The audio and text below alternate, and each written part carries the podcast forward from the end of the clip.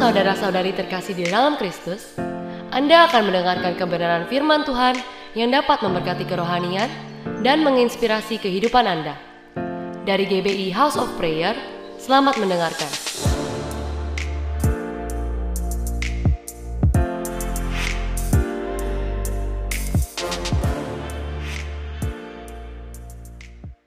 Silakan kembali. Shalom Bapak Ibu. Semua diberkati Tuhan. Si Tuhan, baik kita boleh sama-sama ibadah pagi ini. Nah mari kita terus berdoa juga untuk bangsa kita, berdoa untuk para pemimpin kita, juga berdoa untuk gereja kita. Karena kita tahu gereja ini punya tanggung jawab yang besar untuk menjadi duta kerajaan Allah. Kita doa supaya kerajaan Allah turun terjadi di Indonesia. Nah itu tanggung jawab kita. Lalu kita berdoa juga supaya keselamatan terjadi dan banyak orang akan masuk dalam kerajaan surga. Maka itu dibutuhkan doa-doa dan keterlibatan kita. Jangan jadi orang Kristen yang pasif, jangan jadi orang Kristen yang tidak melakukan apa-apa, tapi kita menjadi orang Kristen yang melakukan bagian kita bersama Tuhan. Dan ada upah yang besar menunggu kita. Amin saudara. Nah, saya percaya kita dipanggil oleh Tuhan untuk kita itu pertama diselamatkan. Jadi tujuan yang pertama setiap orang yang percaya kepadanya akan diselamatkan. Yang kedua, level kedua bukan sekedar diselamatkan tetapi kita harus jadi murid Tuhan. Orang kecil yang jadi murid punya komitmen terlibat seperti seorang murid datang ke sekolah tepat waktu, pulang setelah selesai baru pulang. Tapi kalau belum selesai pulang duluan namanya tukang bolos. Kalau sudah lewat jamnya belum datang namanya tukang telat. Sehingga kita sudah membayar. Bukan berarti kita bilang, oh saya kan sekolah bayar, jadi suka-suka gua dong. Kan guru saya bayar. Saudara membayar sekolah bukan berarti kita bebas. Seperti beli mobil. Saudara udah beli mobil di showroom, mobil saudara mau apain, mau benturin, mau tabrakin, ya itu kan mobil saudara. Tetapi kalau sekolah kan beda. Sekolah artinya kita yang tidak bisa. Lalu kita komitmen menjadi murid. Kita ikuti semua aturan di sekolah. Seorang murid yang baik adalah seorang yang benar-benar mampu mentaati peraturan sekolah dengan baik. Dan mampu mentaati guru dengan baik. Mampu menimba ilmu dengan baik. Itu murid yang baik. Dan saya berdoa, saudara juga akan jadi murid-murid Tuhan yang baik. Amin saudara. Saudara terlibat di gereja ini, menjadi bagian dari gereja ini. Saudara bukan pengunjung, tetapi saudara adalah eh, murid-murid di tempat ini. Saudara adalah anak-anak Allah di tempat ini. Amin saudara. Lalu setelah saudara jadi murid, maka yang ketiga diutus. Yesus lakukan itu, dia selamatin, dia panggil Petrus, Yohanes, Yakobus, dijadikan murid, Lalu waktu Yesus naik ke surga dia utus pergi jadikan semua bangsa muridku. Amin saudara. Dan baptiskan mereka dalam nama Bapa anak, anak dan roh kudus. Karena ketaatan 12 murid inilah. Maka kita sekarang ada di tempat ini untuk menjadi murid. Jadi saudara tidak ada alasan untuk orang Kristen tidak jadi murid. Kita harus jadi murid Tuhan. Katakan amin. Pak Niko suka sampaikan bahwa yang melihat Tuhan Yesus naik ke surga adalah murid. Nanti yang melihat Tuhan Yesus turun ke surga adalah mu, murid. Nah, saya berdoa seluruh jemaat jembatan dua jadi murid Tuhan semua. Tengok kanan kiri, eh jadi murid yang baik ya. Jangan bolos saja gitu. jadi murid yang baik. Nah, kita akan sama-sama merenungkan tema yang diberikan kepada saya, The Great Commission, itu amanat agung. Gitu ya. Amanat agung Tuhan Yesus dengan subtema kunci penuaian terbesar dan terakhir.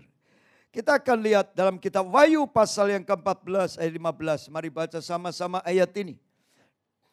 Kita baca sama-sama dua, tiga. Maka keluarlah seorang malaikat lain dari bait suci dan ia berseru dengan suara nyaring kepada dia yang duduk di atas awan itu. Ayunkanlah sabitmu itu dan tuailah karena sudah tiba saatnya untuk menuai. Sebab tuaian di bumi sudah masak. Dan ia yang duduk di atas awan itu mengayunkan sabitnya ke atas bumi dan bumi pun dituailah. Siapa yang duduk di atas awan? Tuhan Yesus. Ketika ada satu malaikat berkata, ayunkan sabitmu tuailah. Karena waktu penuaian terakhir sudah tiba. Ini kitab Wahyu bicara tentang penuaian terakhir dalam pengertian masa-masa uh, terakhir dari dunia. Dan siapa yang dituai? Yang dituai dalam ayat-ayat ini adalah orang-orang fasik. Karena dosanya begitu banyak. Mereka, mereka dituai untuk menerima hukuman. Tuhan katakan biarkanlah lalang itu dan gandum itu tumbuh bersama-sama. Kita ingat satu kali ada petani yang menebar gandum yang baik. Lalu waktu dia tidur, maka musuhnya menebarkan benih lalang. Waktu benih lalang itu, benih gandum tumbuh, benih lalang juga tumbuh. Lalu mulai tumbuh besar. Para karyawannya berkata, kami mau cabut lalang itu. Tuhan berkata, jangan. Biarkan dia tumbuh sama-sama. Nanti pada akhir zaman, lalang-lalang itu akan dituai duluan dan akan dimasukkan ke dapur api dan gandum-gandum akan dimasukkan ke dalam lumbung. Artinya hari-hari ini kalau Bapak Ibu melihat bagaimana kenapa Tuhan biarkan itu orang fasik. Kenapa Tuhan biarkan itu orang jahat. Jahatnya udah melebihi setan. Setan takut sama dia gitu kan. Kok masih hidup, kok masih hidup gitu kan. Kenapa dibiarin? Tuhan berkata biarkan dia hidup. Tumbuh tetapi nasibnya akan ditentukan pada akhir zaman.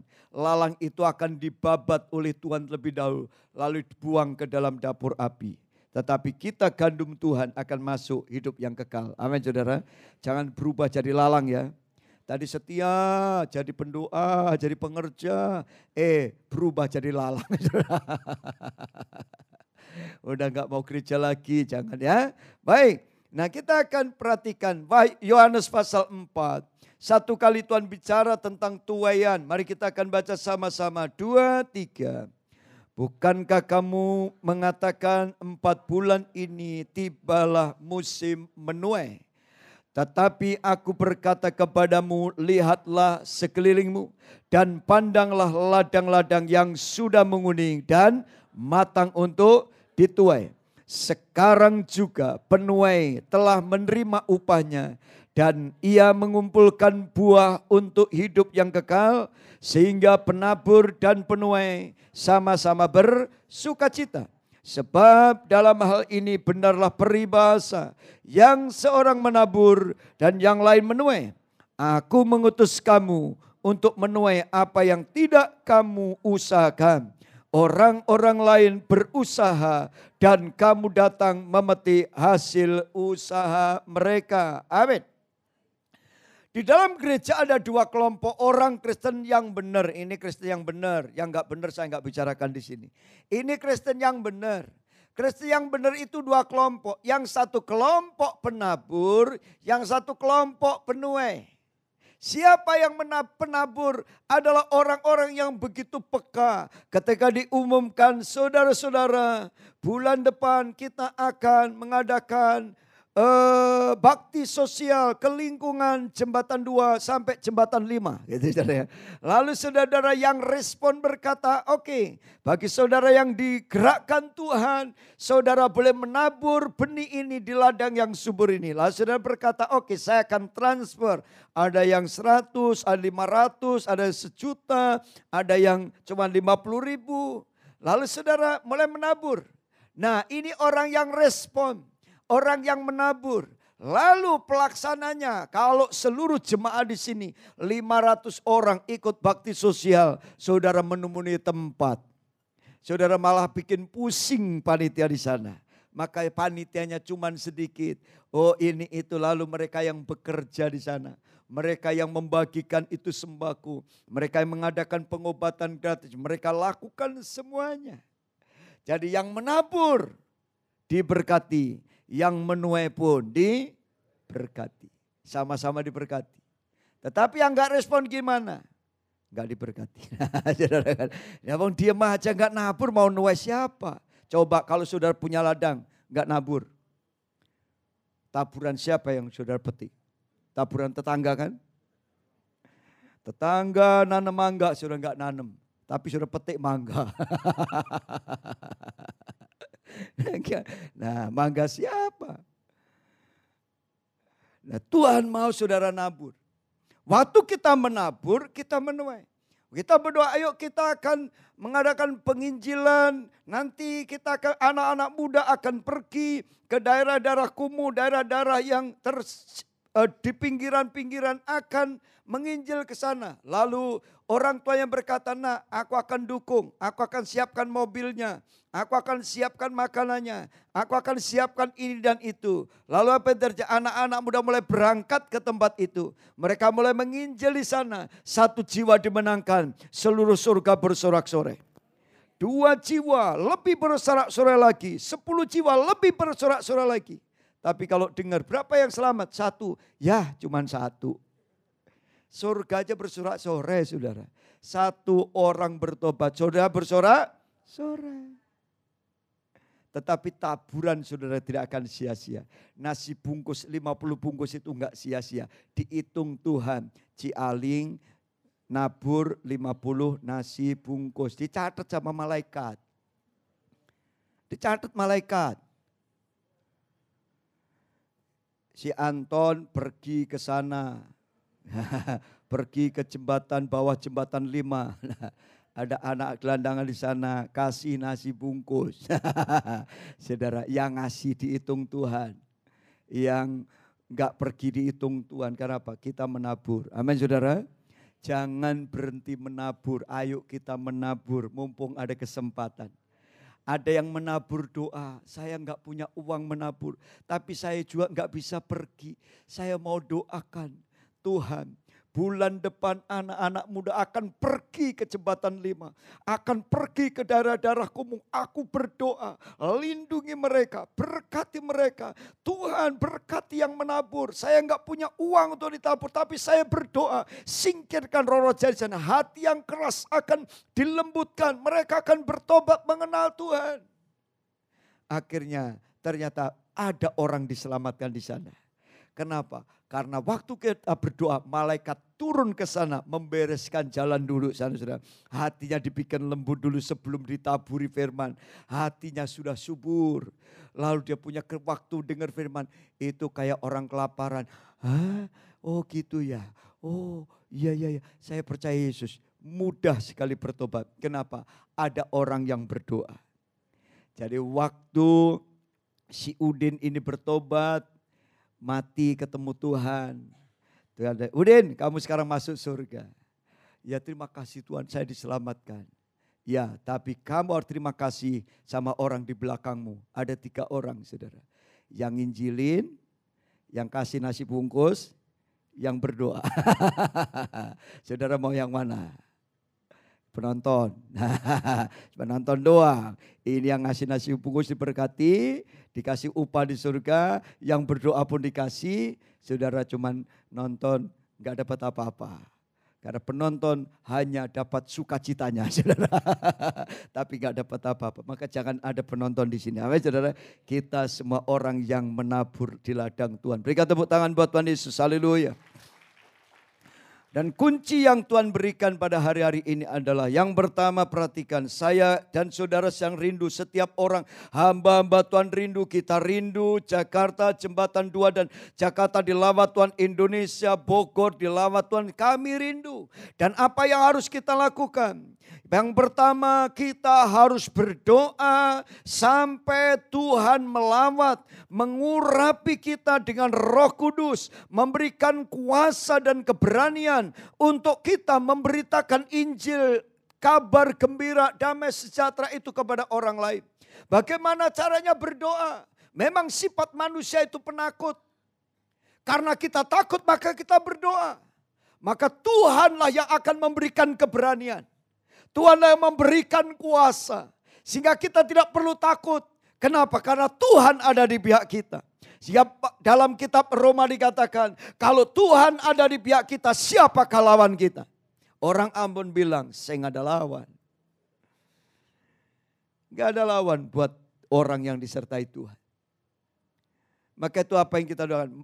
Kisah Rasul 4 ayat 23, tolong dikeluarkan. Mari kita akan baca sama-sama. Kisah Rasul 4 ayat 23, kita akan baca ayat ini. Mari kita baca sama-sama 2, 3. Sesudah dilepaskan pergilah Petrus dan Yohanes kepada teman-teman mereka, lalu mereka menceritakan segala sesuatu yang dikatakan imam-imam kepala dan tua-tua kepada mereka. Terus, ketika teman-teman mereka mendengar hal itu, mereka berserulah mereka bersama-sama kepada Allah.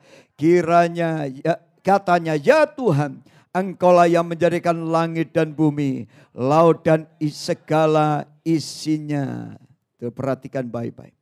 Apa yang terjadi ketika itu kita ingat bagaimana dalam kisah Rasul pasal yang pertama, murid-murid setelah Yesus naik ke surga mereka berdoa di loteng Yerusalem. Setelah mereka doa di loteng Yerusalem menantikan janji Bapa, Tiba-tiba roh kudus turun setelah 10 hari mereka berdoa. Dan roh kudus menguasai mereka.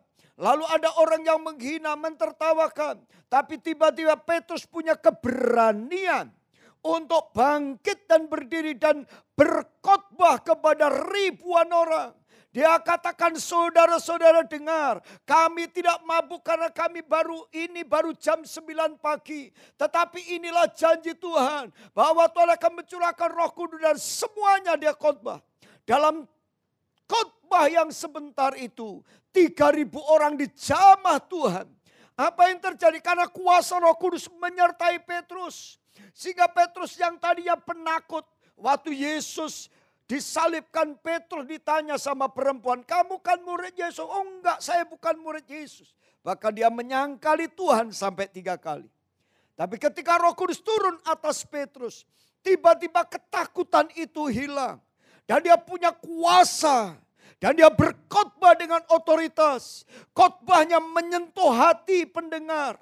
Khotbahnya menjamah hati mereka. Sehingga mereka Tuhan-Tuhan apa yang harus aku lakukan supaya aku diselamatkan. Mereka berkata bertobatlah dan beri dirimu dibaptis. Dan tiga, tiga ribu orang memberi diri dibaptis. Setelah itu bertambah lagi lima ribu orang. Lalu terus berkembang dan berkembang. Satu kali Petrus ibadah di bait Allah dan ketemu dengan orang lumpuh sejak lahir. Tiap hari meminta-minta di depan bait Allah. Lalu Petrus berkata, lihat kepadaku, emas dan perak tidak ada padaku. Tapi demi nama Yesus orang Nazaret itu, bangkit dan berjalanlah. Orang lumpuh itu tiba-tiba bangkit dan berjalan. Kakinya jadi kuat kembali. Kenapa? Ada kuasa dalam perkataan Petrus. Kuasa itu mengalir, mujizat menyertai. Dan ribuan orang berbondong-bondong. Mereka masuk bait Allah dan memuliakan Allah. Karena ada ribuan orang yang bertobat. Imam-imam begitu marah. Lalu Petrus dan Yohanes dipanggil. Dibawa, diadili dan apa yang terjadi? Dilarang. Waktu dilarang, jangan sekali-kali beritakan nama itu nama Yesus. Lalu dia kembali pulang ayat ini ketika teman-teman mereka mendengar bahwa mereka diancam. Apa yang dilakukan? Mereka berseru bersama-sama. Ini kunci penting. Doa unity, doa bersama. Ketika sudah melihat ada larangan-larangan di Jakarta ini. Jangan ngomel, jangan ngambek. Saudara mau dituduh apa pun jangan pusing. Tetapi saudara tugas kita bersekutu, berdoa bersama-sama. Waktu lawatan Tuhan turun, saya percaya daerah ini akan dimenangkan. Orang-orang yang membenci Tuhan akan bertobat dan dicamah Tuhan. Dan mujizat pasti akan terjadi. Gak usah respon, tenang aja. Cuma catat namanya saja saudara. Oh si dia menghina agama, nggak usah pusing. Karena Tuhan katakan penghakiman adalah hakku. Dan tidak ada satu orang pun yang menghina Tuhan terlepas dari hukuman. Catat aja namanya. Catat aja tulis. Nanti kita akan, nak kalau papa dipanggil Tuhan duluan, tolong nanti cariin nama ini ya. Anak cucunya seperti apa, lihat aja. Sudah tahu, Tuhan gak main-main dengan orang yang menghina dia. Maka Paulus ditegur Tuhan, eh Paulus kenapa engkau menganiaya aku? Tuhan, siapa engkau? Aku Tuhan yang kamu aniaya. Ketika yang kita dihina, yang dihina siapa? Ketika kita dianiaya, yang dianiaya siapa? Tuhan. Makanya jangan membalas. Pembalasan adalah hak Tuhan. Tugas kita berdoa, memberkati, dan menyelamatkan mereka. Amin saudara. Maka itu berdoalah sampai lawatan Tuhan. Ayat 31 mari kita baca sama-sama. Ayat 31 baca 2, 3. Dan ketika mereka sedang berdoa apa? Goyanglah tempat mereka berdoa berkumpul itu. Dan mereka semua penuh dengan roh kudus. Lalu mereka memberitakan firman Allah dengan berani. Katakan amin. Butuh keberanian? Minta roh kudus. Takut setan? Minta roh kudus. Takut anjing? Undang tetangga. eh tolong anjingnya diikat itu. Kalau anjing susah ditengkingnya saudara.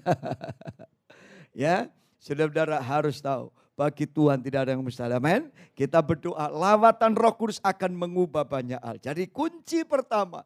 Kalau sudah ingin mengalami lawatan Tuhan. Ingin menjadi Allah Tuhan. Ingin menjadi penabur. Tuhan katakan Tuhan menyediakan roti untuk dimakan. Benih untuk ditabur. Dan Tuhan menyediakan itu. Engkau tidak punya taburan. Tuhan aku belum punya berkat untuk ditabur. Berdoa karena Tuhan menyediakan benih untuk ditabur. Saudara minta Tuhan, aku mau Tuhan memberikan yang terbaik untuk pekerjaanmu. Orang yang membutuhkan untuk pelayanan, aku mau Tuhan. Untuk itu saudara minta diberkati. Dan saya percaya orang yang merindukan itu akan diberkati oleh Tuhan. Saudara yang kedua apa yang kita pelajari. Mari kita akan sama-sama lihat baik-baik. Yang kedua Pergi dan rebut daerah-daerah yang dikuasai musuh saudara. Yang kedua jangan hanya diam. Tuhan mau saudara mulai pergi melangkah. Waktu kita melangkah mujizat itu menyertai kita. Dalam peperangan rohani kita harus tahu musuh kita bukan darah dan daging Efesus 6 ayat 10. Musuh kita roro jadi udara. Itu musuh kita yang sejati. Jadi apa yang kita lakukan? Tuhan katakan pakai selengkap senjata Allah. Hendaklah kamu kuat dalam Tuhan. Dan kita ikatlah iblis, usir setan di menakmaku maka setan akan pergi. Sudah lakukan doa-doa peperangan hari-hari ini. Nah apa yang kita lakukan dalam Lukas pasal 10, mari kita lihat sama-sama. Lukas pasal 10 ayat yang pertama kita lihat, dua, kita baca dengan suara keras, semuanya baca, dua, tiga. Kemudian daripada itu Tuhan menunjuk berapa? 70 murid yang lain lalu mengutus mereka berdua dua mendaulinya ke setiap tempat kota yang tempat yang hendak dikunjunginya dua. Katanya kepada mereka, tuayan memang banyak tetapi pekerja sedikit.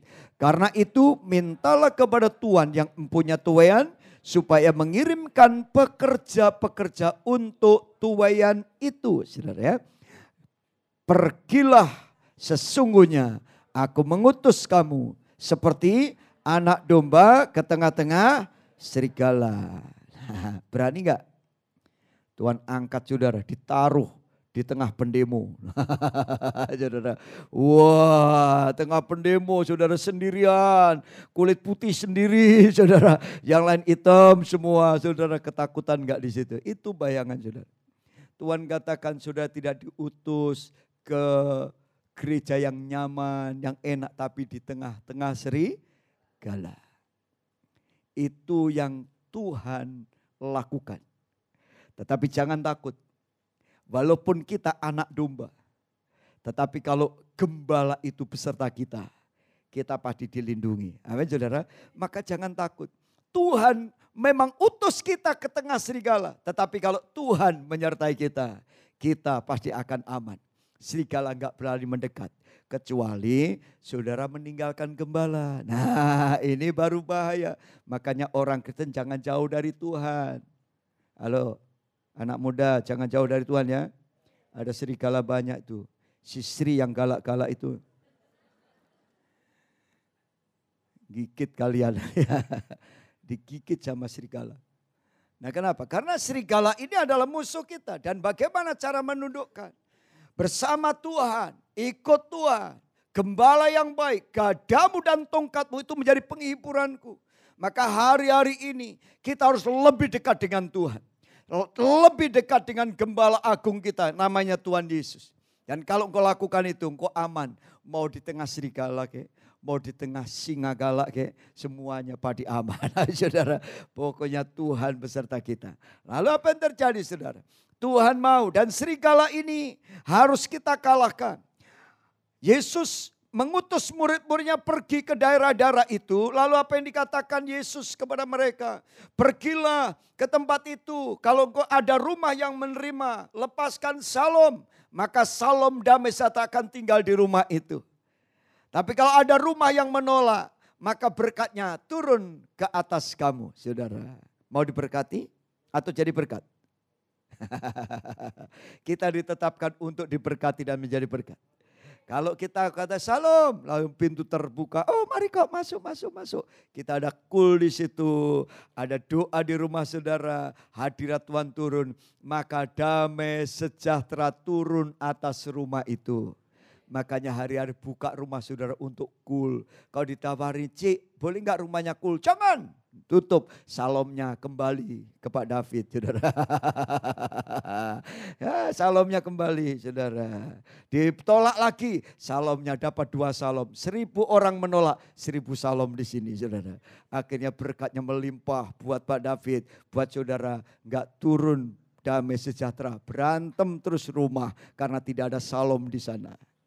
Makanya kalau ada Pak saya kunjung ke rumah, mau buka kul, silahkan. Saya akan siapkan capcai puyung hai. Nah, ya makan yang besar, ya kan? Dan saudara bersuka cita dan Tuhan senang di situ. Lalu rumah itu dengan penuh dengan damai karena salam daripada Tuhan tuh turun. Lalu Tuhan katakan juga kalau kamu ditolak di kota itu, pergilah. Di satu RT sudah datang ke sana mau buka kul ditolak. Wow rumah dilempari batu ditutup. Udah keliling RT saudara. Tuhan katakan kelilingi daerah itu kebaskan debu kakimu. Ah, copot sepatu, kebaskan kasut. Bas, bas, debu dikebaskan. Sodom Gomora akan lebih ringan hukumannya dibanding RT 11, saudara. Loh, memang begitu Alkitab berkata kan. 70 murid diberi kuasa. Lalu sudah mulai doa keliling. Pergilah ke jalan-jalan. Muter ini mungkin Pak RT ini lihat ini pusing nih orang Kristen nih. Rasain lu muter-muter sekarang ya. Gak ada tempat di sini. Padahal kita sedang doa keliling. doa keliling. Si Pak RT disamperin Tuhan. Disamperin malaikat kayak Herodes. Ditampar malaikat. Akhirnya Pak RT Nah, saudara. Nah, kalau ditampar kan kasihan juga kan, bukan kita ya. Jangan pernah ngutukin ya. Pokok dua berkati terus musuh-musuh kita. Kita ditetapkan jadi berkat. Tapi kalau Tuhan sudah marah, itu Herodes ditampar, dimakan cacing. Ayat ngomong begitu. Maka jangan sampai Tuhan ma marah. Doakan supaya darah itu dilawat Tuhan. Saya percaya kita doa keliling, doa keliling. Tuhan akan berkati darah itu. Dan darah itu akan diselamatkan. Amin saudara. Maka itu lakukan bagian kita. Berikan tepuk tangan buat Tuhan Yesus. Haleluya. Lalu apa yang terjadi pada ayat 17 pasal 10 Lukas 10 ayat 17 sampai 20. Mari baca sama-sama ayat ini. Lukas pasal 10 ayat 17 sampai ayat 20. Baca sama-sama 2, 3.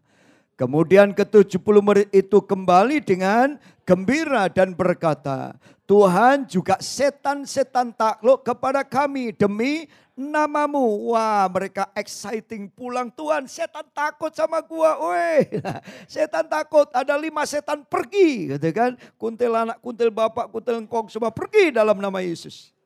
Nah saudara-saudara doakan dan setan pergi daerah itu dilawat oleh Tuhan. Murid senang banget. Ayat yang ke-18 baca sama-sama. Dua, tiga. Lalu kata Yesus kepada mereka, Aku melihat iblis jatuh seperti kilat dari langit. Ini keren banget. Saudara keliling RT 11. Tuhan lihat di sana. Malaikat berperang di udara.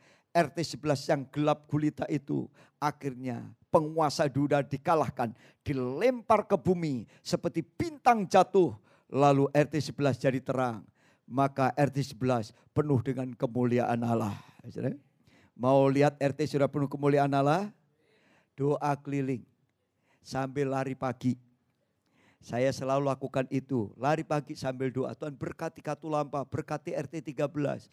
Namanya RT 13. berkati, puji Tuhan. Saya kadang-kadang ngomongnya agak galak juga.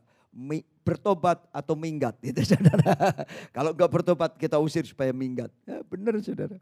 Eh puji Tuhan itu daerah kampung saya banyak orang Kristen. Di perumahan saya banyak orang Kristen.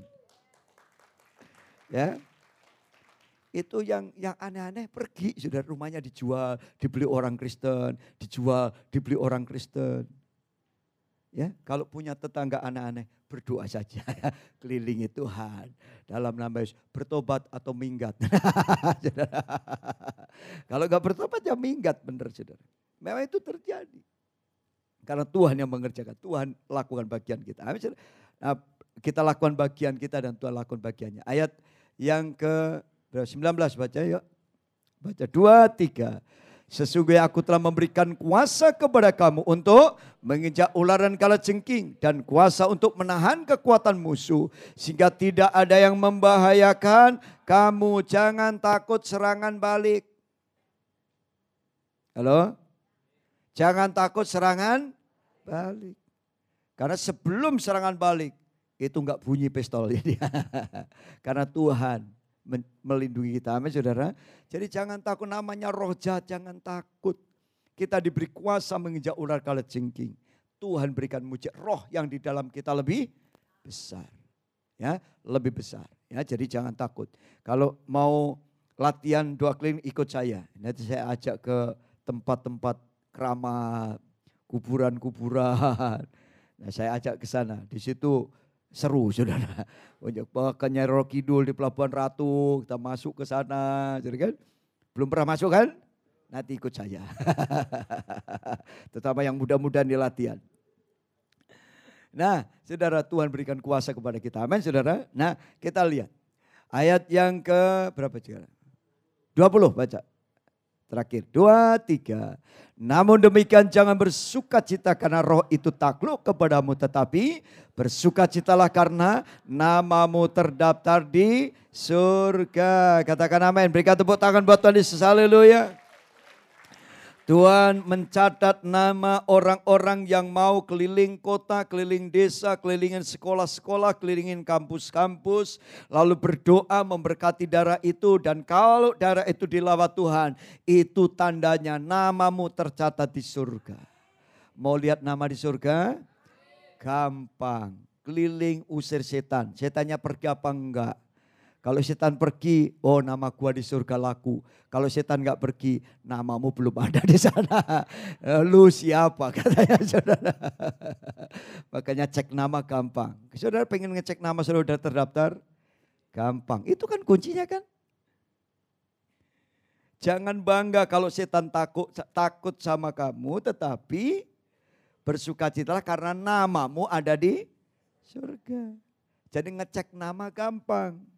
Makanya kadang orang dibikin kesurupan supaya ngecek nama, saudara. Saudara dikasih rumah, eh rumahnya ada setan, ngecek nama saudara. Eh gua mau ngecek nama, ah. iblisnya takut sama gua apa enggak? Apa gua yang takut? Lengking setannya, saudara. Ya, saya percaya Tuhan berikan kuasa kepada kita. Amin. Saya berdoa jemaat di sini punya kuasa yang luar biasa. Ya, baik yang ketiga kita akan lihat sama-sama apa yang Waktunya jalan terus, baik. Nah, melangkah saja dengan taat pasti mujizat ajaib akan terjadi. Jadi melangkah sama Tuhan itu jangan banyak mikir. Halo? Jangan banyak mikir. Mikir terus. Mikir terus. Memang pendetanya, eh, bedanya pendeta sama Tuhan Yesus itu satu. Kalau pendeta, datanglah, hadirilah KKR, kepengen rohani. Gitu kan, suruh kumpul, ngumpulin jemaat itu tugas pendeta. Tapi kalau Tuhan Yesus, pergilah, pergilah, pergilah gitu saudara. Jadi itu bedanya saudara.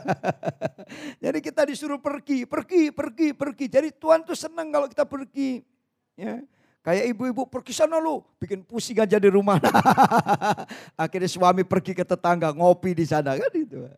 Nah saudara, kalau Tuhan enggak pergi jadi saksi, di mana pun kita jadi saksi, melangkah saja taat. Markus 16, mari kita akan baca. Markus 16 tanda-tanda ini menyertai orang yang percaya. Nah kita baca sama-sama, dua, tiga. Lalu ia berkata kepada mereka, pergilah ke seluruh dunia, beritakanlah Injil kepada segala makhluk. Jadi dengar baik-baik, Tuhan mau kita pergi ke seluruh dunia. Amin.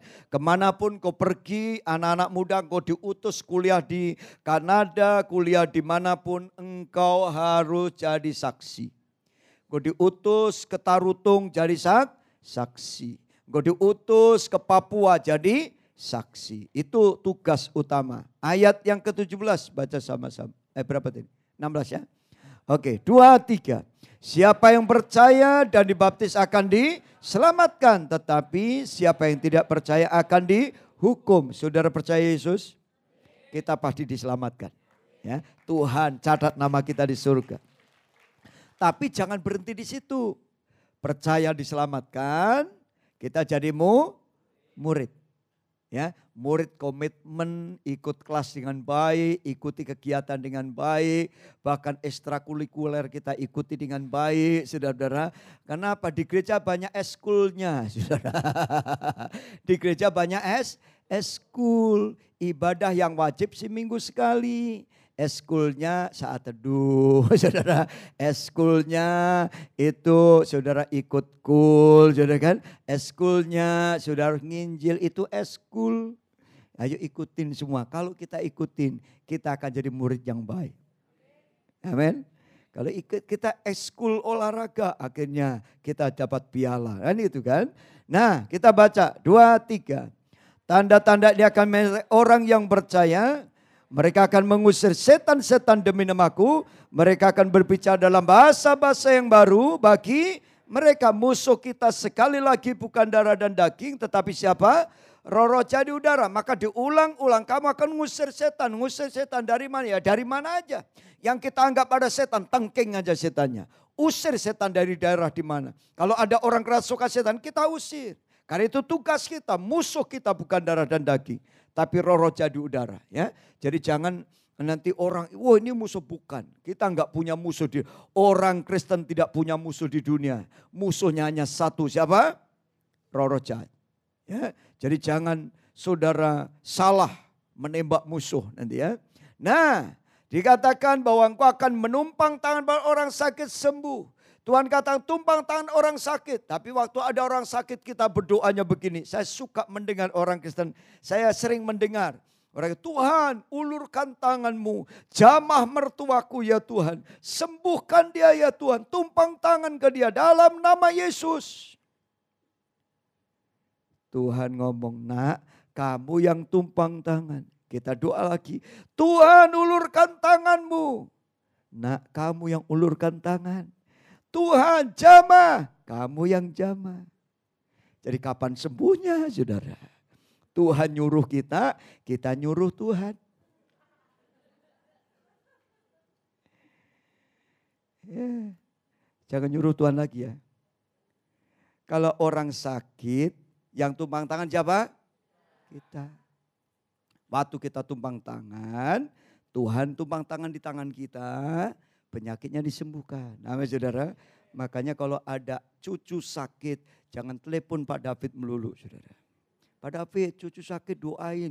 Bu ibu yang doa, tangan Pak David lebih manjur.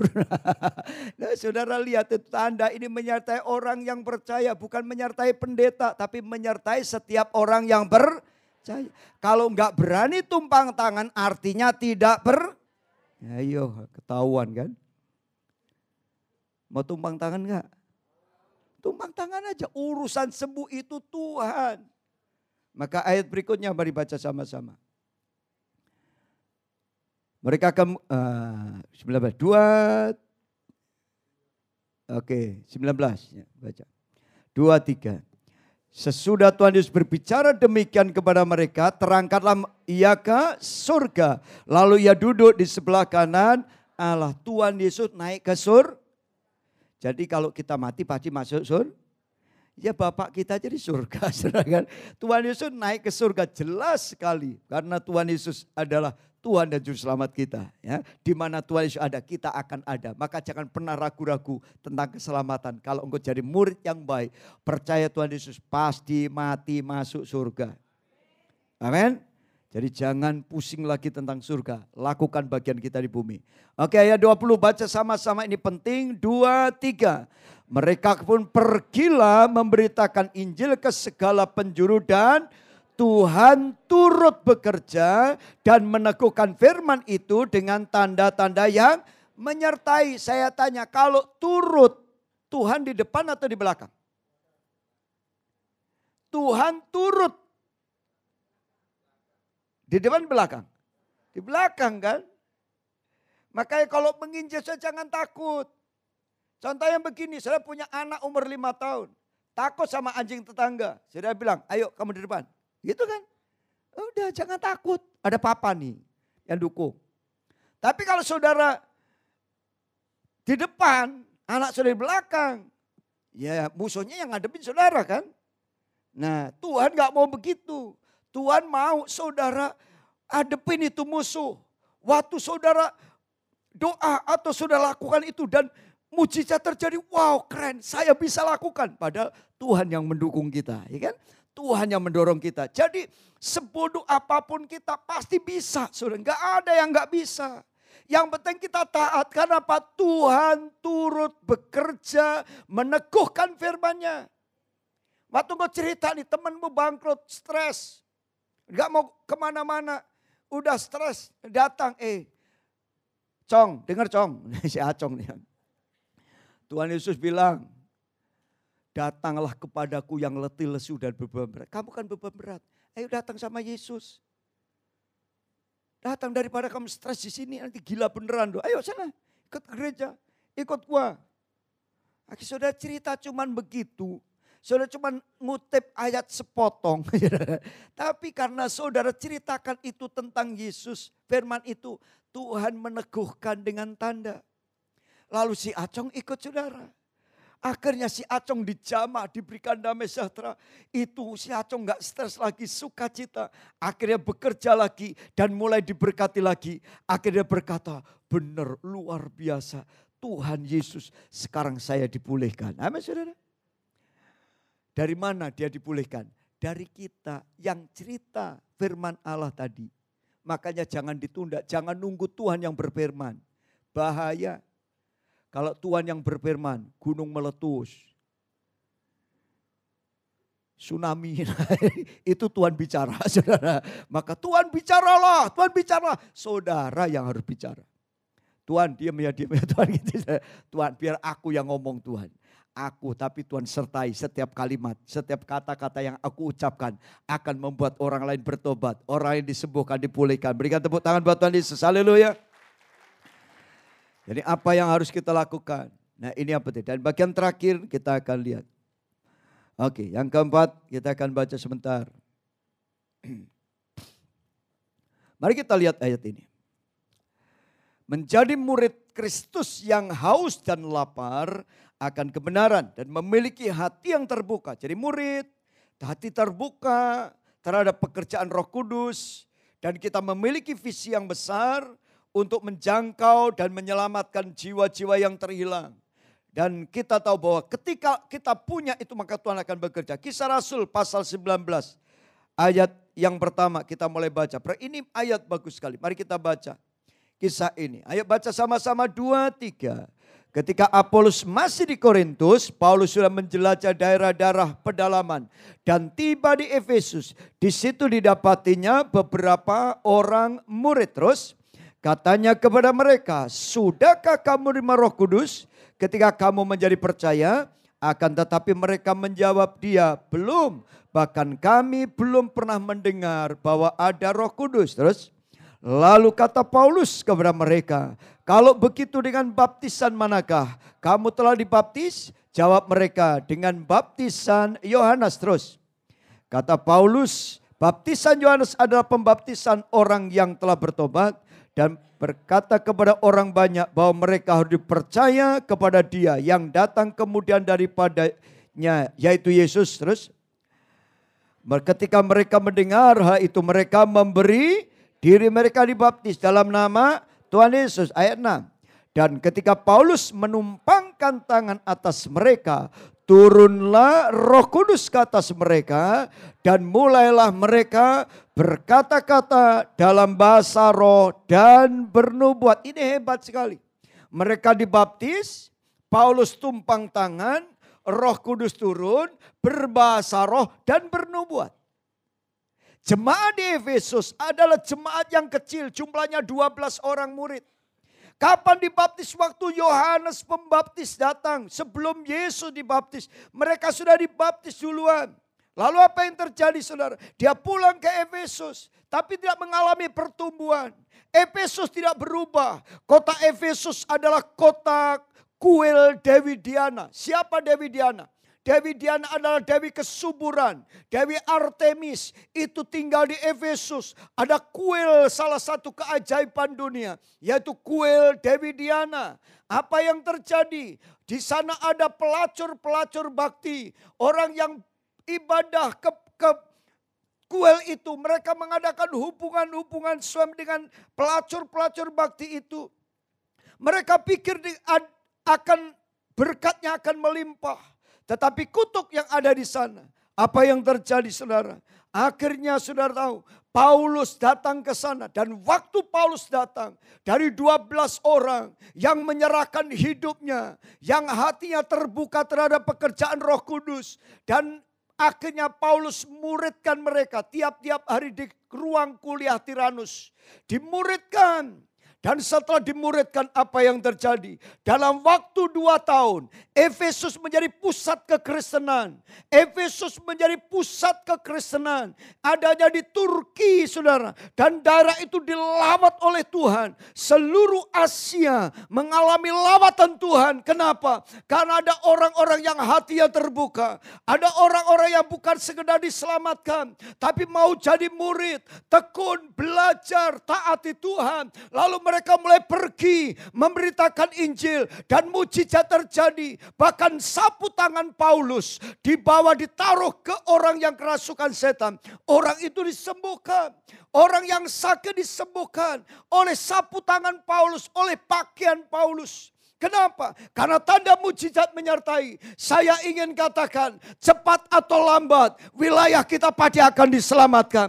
Kalau kita mau jadi murid Tuhan, kita mau pergi, jangan nunggu pinter dulu. Siapa pun bisa dipakai oleh Tuhan. Seperti di Cina terjadi penginjilan luar biasa. Baru bertobat hari ini. Dia cerita ke tetangganya tentang Yesus. Lalu orang itu bertobat. Cerita lagi ke tetangga yang lain. Belum melakukan banyak hal. Tetapi mereka percaya bahwa Yesus adalah Tuhan dan Juru Selamat. Mereka ceritakan itu. Dan mereka melihat Tuhan besar terjadi. Saya percaya Tuhan terbesar akan terjadi di wilayah kita, di kantor-kantor kita, di sekolah-sekolah. Jadilah saksi penuh roh kudus. Engkau mulai bernubuat, perkatakan kata-kata iman. Maka mujizat akan terjadi. Ada orang sakit langsung tumpang tangan. Didoakan dan mujizat terjadi. Amin saudara. Saya percaya ini hari-hari yang luar biasa. Makanya ayat yang ke 10. Mari kita lihat sebentar ayat yang ke-10. Hal ini dilakukan selama dua tahun lamanya sehingga penduduk Asia mendengar firman Tuhan. Baik orang Yahudi maupun orang Yunani. Sebelas. Baca sama-sama. Dua, tiga. Oleh Paulus Allah mengadakan mujizat yang luar biasa. Terus. Bahkan orang membawa sapu tangan atau kain yang pernah dipakai oleh Paulus dan meletakkan atas orang sakit, maka lenyaplah penyakit mereka dan roh-roh keluar, roh-roh jahat uh, keluarlah roh-roh jahat. Ini yang terjadi. Saya percaya ini pasti akan terjadi. Waktu roh kudus turun di tempat ini, mujizat yang tidak lazim akan terjadi. Mujizat yang luar biasa terjadi. Ada satu jemaat saya, dia mengalami suaminya di bawah kuntilanak. Saudara, dia pergi meninggal. Dia seorang pengerja, sayang sekali. Dia akhirnya mengalami masalah. Dia pergi. Rumah digadaikan, dia beli rumah untuk kuntilanak di puncak sana. Lalu dia tinggal di sana. Suami istrinya stres karena waktu itu tahu Pak apa yang harus kami lakukan. Saya mau labrak dia atau apa yang kulakukan. Kamu labrak pun kamu nggak bisa mengubah keadaan. Tapi kamu bertelut di rumah doa ini. Tiap Kamis kamu berdoa. Kalau ada kesempatan kamu masuk menara doa. Tuhan akan bertindak melakukan bagiannya. Dan apa terjadi? Puji Tuhan suaminya mulai sekali-sekali pulang. Dan mujizat mulai terjadi dalam kehidupannya. Tadi ada sakit asma dan puji Tuhan beberapa waktu ini mulai disembuhkan badan, mulai gemuk dan mulai sehat. Satu kali anaknya, anaknya ngobrol di rumah, mah rasa sejak papa pergi kita nggak punya uang untuk beli buah, beli yang lain. Ya udah kita doa. Tiba-tiba ada telepon saudara. Eh bukan, ada tamu. Ada tamu penginjil-penginjil dari Korea datang. Ngobrol-ngobrol. Waktu di tengah ngobrol dia panggil, eh kamu sini. Anaknya yang lulus SMA. Panggil sini. Kamu beli buah dulu ke toko buah. Nanti kita makan buah sambil ngobrol. Saudara, baru pengen makan buah. Tuhan kirim malaikat dari Korea, saudara. Dan dia datang beli buah, saudara. Satu kali pas ngobrol lagi, berapa minggu kemudian dia ngobrol, ma kita lama ya nggak makan eh, nggak uh, makan pizza katanya. Belum lama dia ngomong, ada telepon dari Pizza Hut. Malaikat Korea lagi, saudara. Telepon, Bu, ke pizza ya. Kenapa? Bawa anak-anak. Kita kumpul, kita ngobrol di sini. Eh datang ke sana, saudara. Makan pizza, saudara. Pulang masih dikasih 100 dolar. Lumayan kan 100 dolar kan. Saudara, malaikat Tuhan kirim jauh-jauh dari Korea untuk menolong seorang yang terus setia kepada Tuhan dalam keadaannya itu. Anaknya ngomong begini, mah saya mau kerja tapi nggak punya tas, nggak punya ini. Maafkan. Tiba-tiba dapat telepon, Bu saya udah transfer ya 100 dolar buat beli pakaian, beli tas, beli apa saja buat anak. Saya nggak tahu itu apa disadap atau saya nggak tahu saudara. Kok bisa ini kesaksian berarti ini karena jemaat saya sendiri di Cisarua. Saya nggak ceritakan jemaat yang lain. Ini benar dia cerita ke saya. Langsung dia cerita. Berapa dia ngomong anaknya yang udah lulus sekolah ngomong begini, mah ke pulang kampung yuk. Memangnya kita punya kampung katanya. Gak taunya suaminya dari Tasikmalaya. Karena suaminya suka pergi jadi istrinya lupa kampung suaminya. Maka suami-suami jangan bandel ya.